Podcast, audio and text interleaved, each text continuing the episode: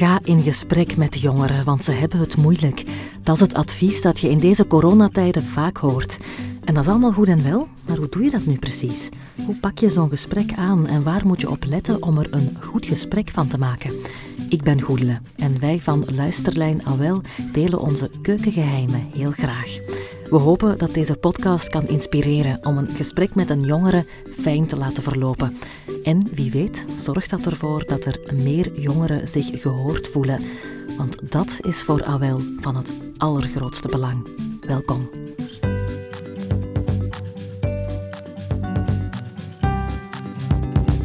Luister, de podcast van Awel. Bij Awel geloven we dat het perfecte gesprek niet bestaat. We geloven niet in strikte regels voor een goed gesprek. We geloven wel dat een goede houding een voorwaarde is om op een fijne manier in gesprek te kunnen gaan. Daarom staan we elke aflevering stil bij die houding. Daarnaast passen onze beantwoorders ook wel concrete gesprekstechnieken toe. We pikken er per aflevering eentje uit. We belichten dus telkens een houding en een techniek. In deze aflevering staan we stil bij de houding echtheid. En we verkennen ook hoe je met volle aandacht bij het gesprek kan zijn en waarom dat belangrijk is. Straks komt acteur en tv-maker Joris Hessels ook nog vertellen hoe hij in gesprek gaat met jongeren.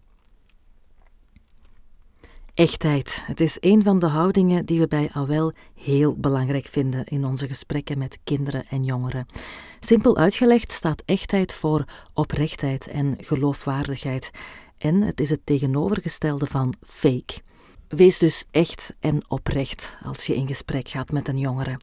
De meeste mensen willen het liefst een gesprek met iemand die echt is en geen maskers opzet of maar doet alsof. En als je je niet zo goed voelt, al helemaal. Stel nu dat je medeleven krijgt van iemand die dat eigenlijk niet meent. Dan merk je dat meestal wel. En jongeren merken dit zelfs nog sneller.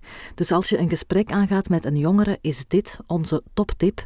Als je iets niet meent, moet je het niet zeggen.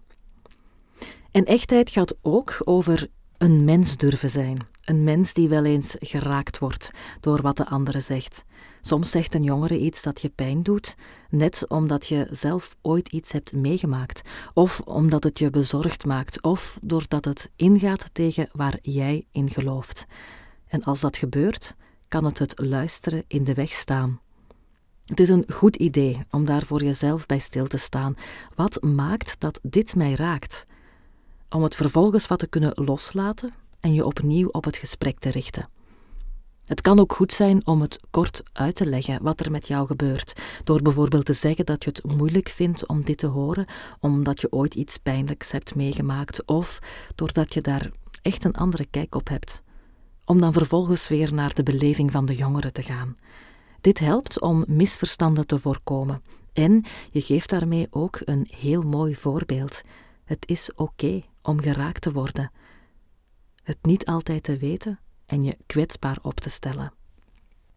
Naast echt en oprecht zijn is het ook belangrijk om met volle aandacht bij het gesprek te zijn. Jongeren zijn het helaas vaak gewoon dat volwassenen over hen spreken, maar niet zo vaak met hen. Richt je aandacht dus echt op de jongeren. Zorg dat er geen afleiding is en leg je gsm weg. Probeer echt te luisteren naar wat de jongere vertelt. Wees nieuwsgierig op de goede manier. Wees nieuwsgierig naar hoe de jongere het ervaart. Bij Awel merken we dat met aandacht luisteren, dat alleen al ongelooflijk waardevol is. Je hoeft dus niet met dat geweldig goede advies te komen of die goed gevonden oplossing.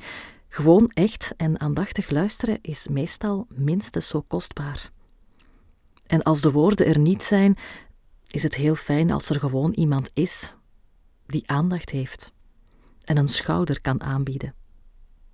Als het enigszins kan, neem dan ook de tijd om het gesprek te laten bestaan, met alle stiltes die erbij horen en met al het zoeken naar woorden dat erbij hoort. Aandacht geven betekent ook de jongere centraal zetten in het gesprek. Laat het om hem gaan of om haar. Je hoeft je eigen ervaringen, bekommernissen, meningen, oordelen niet te onderdrukken, maar probeer ze wel even op de tweede plaats te zetten tijdens het gesprek. Niet gemakkelijk, maar wel waardevol. het oor van Joris Hessels. Hallo, ik ben uh, Joris Hessels. Ik uh, ben 40 jaar jong. Uh, ik ben papa van vier kinderen. Um, twee zijn biologisch van mij, twee zijn van mijn lief, maar zijn heel erg welkom. ik ben acteur um, van opleiding en ik maak sinds een aantal jaar televisieprogramma's, voornamelijk voor de zender Canvas. Um, voilà, dat is het, tweede net van de VRT. Um, dat zijn programma's getiteld Radio Gaga, De Weekenden en Gentbrugge. Dat zijn drie verschillende programma's, maar het enige wat ze gemeen hebben is dat ik eigenlijk um, babbel met verschillende mensen. Um, bij Radio Gaga konden mensen bij ons in de caravan komen. We hadden zo'n plooicaravan en dan konden mensen gewoon plaatjes komen aanvragen. En ondertussen hadden wij een babbeltje. Um, want dan kwamen mensen een plaat aanvragen en dan vroegen wij van waarom wilde die plaat aanvragen. En dan krijg je een heel, een heel levensverhaal. En de weekenden en Gentbrugge waren dan andere type programma's. Maar ik, uh, ik hou van babbelen met mensen verschillende mensen, jong en oud, um, mensen van, van verschillende komaf. Um, en wij hebben, ik ben eigenlijk ook in het verleden heel veel in, uh, in gesprek gegaan met jonge mensen.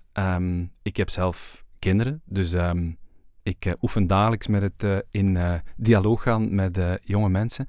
maar we hebben met Radio Gaga ook wel een aflevering opgenomen in een rouwkamp. Dat is een, een kamp voor jongeren die iemand dierbaar verloren hebben en die dan ja, samen met lotgenoten kunnen, samen kunnen spelen en samen kunnen rouwen. Dat is eigenlijk een beetje de bedoeling. we hebben ook een aflevering opgenomen in het C-preventorium. Daar zitten kinderen die last hebben van obesitas of mucoviscidose.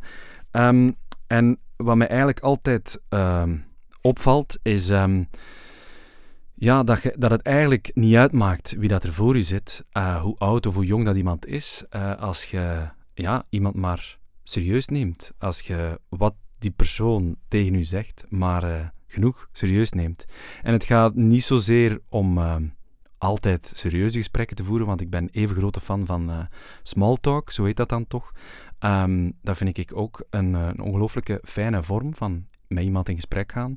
Um, en het, het enige wat ik altijd probeer hoog te houden is dat je heel erg gefocust bent op degene waarmee dat je een gesprek voert. Waar dat je het ook over hebt, dat je eigenlijk 100% aandacht hebt voor degene die, die voor je zit. Um, dat is wat ik altijd ja, probeer te doen. Um, of dat het dan een goed of een slecht gesprek oplevert, dat maakt op zich niet zoveel uit. Ik geloof eigenlijk niet in, in een slecht gesprek. Ik geloof ook niet in slechte vragen.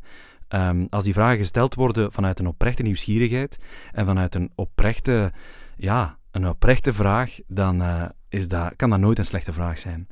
Um, dus uh, mensen die zeggen van ik kan, ik kan geen gesprek voeren met iemand, ja, ik denk dat je gewoon ja, open mocht zijn en gewoon mocht vertrouwen op de vragen die je stelt. Uh, dat die uh, meer dan oké zijn.